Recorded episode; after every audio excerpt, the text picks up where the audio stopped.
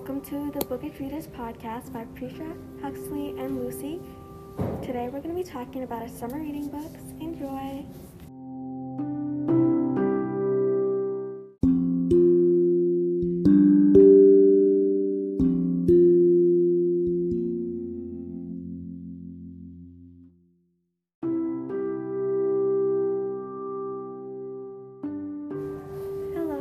Hello, and today I'm going to be talking about the book They Both Die at the End by Adam Silvera.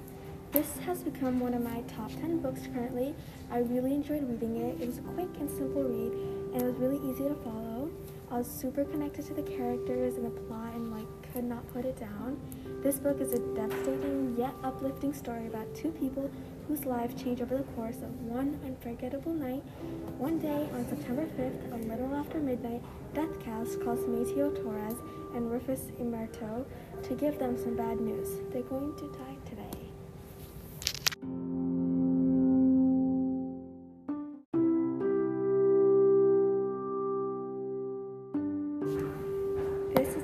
A beautiful yet heartbreaking story about how Mateo and Rufus find each other and spend their last day together. Throughout the book, you see them connecting, experiencing new things, and living their last day to the fullest, and slowly falling in love.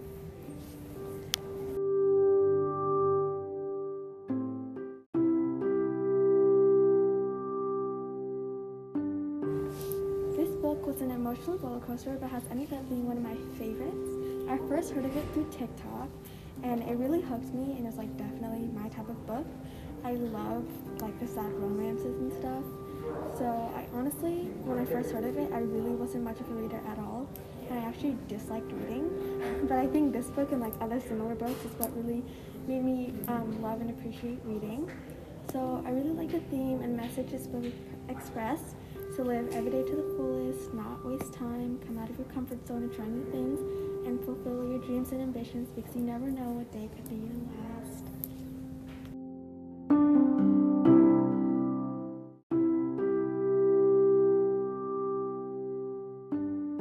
I would love if I could go back in time and read it for the first time again and feel the feelings I felt then all over again. It's a very well written book, and I really like this author and his process of writing. There's so many beautiful quotes in this book that are just so meaningful and deep and really made me ponder and like think for a bit. I think this book is so special to me because of its like simplicity and value. It made me think of how differently we all live our lives, but are still able to connect by something. Like, for example, Mateo and Rufus were both complete opposites. Mateo was more introverted and scared of the world and like chose to be safer by like staying home a lot, while Rufus was more extroverted and a risk taker and like had a lot of friends and a lot of people around him, while Mateo didn't and was like Rufus was just like don't regret anything, be brave and like try new things. And they were such like different people, but at the end at, at the end of the day, they both had one thing in common, which was that today was their last day. And they used that to like change each other in a beautiful way and came to love and care for each other immensely.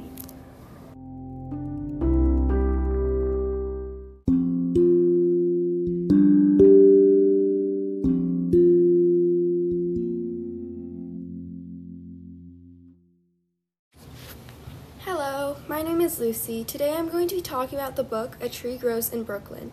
A Tree Grows in Brooklyn was written by Betty Smith in 1943.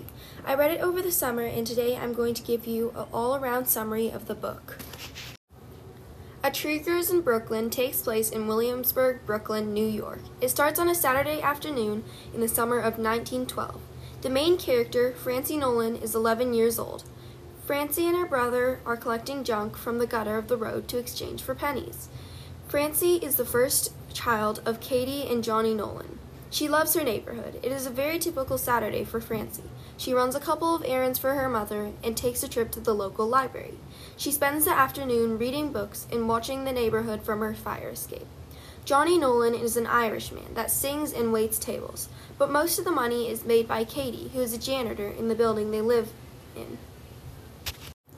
At the beginning of the book, there's a flashback to when Katie and Johnny first met. After meeting Johnny, they fell in love and got married six months after dating. When Katie and Johnny were young, they supported themselves by being janitors. When Francie and her brother Neely were born, they went into poverty.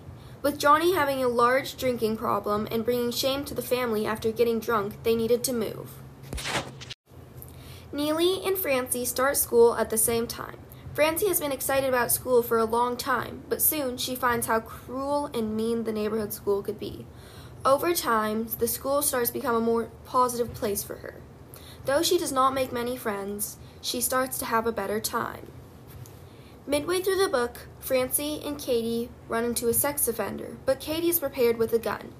Francie becomes more aware of her dad's drinking problems and starts to grow up. I found this book through my grandmother, who recommended it to me. I'm not much of a reader, so it was sitting unopened on my desk for a pretty long time. Eventually, I found out the book was a book I could read for school. After that, I started to read it and quickly got hooked. This book conveys a lot of emotion and has a way of bringing you in. Overall, this was a great book for teen readers, and I do recommend it. Thank you.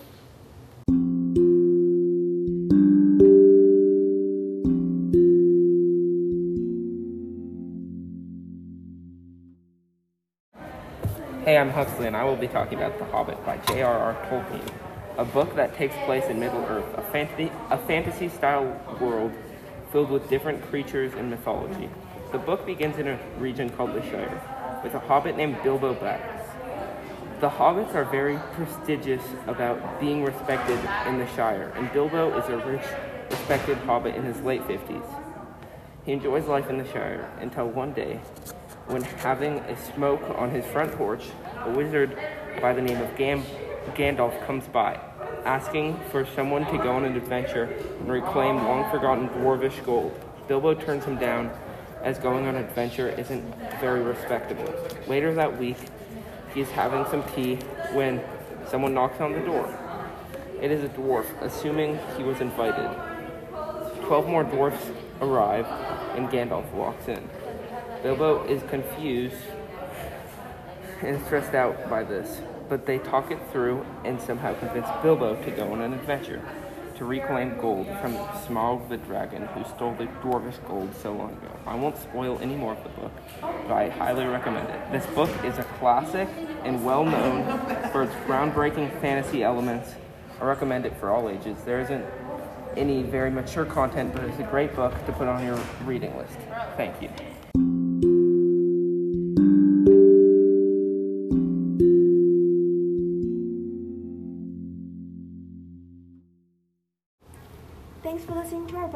We hope you enjoyed and want to try these books out for yourself. Bye!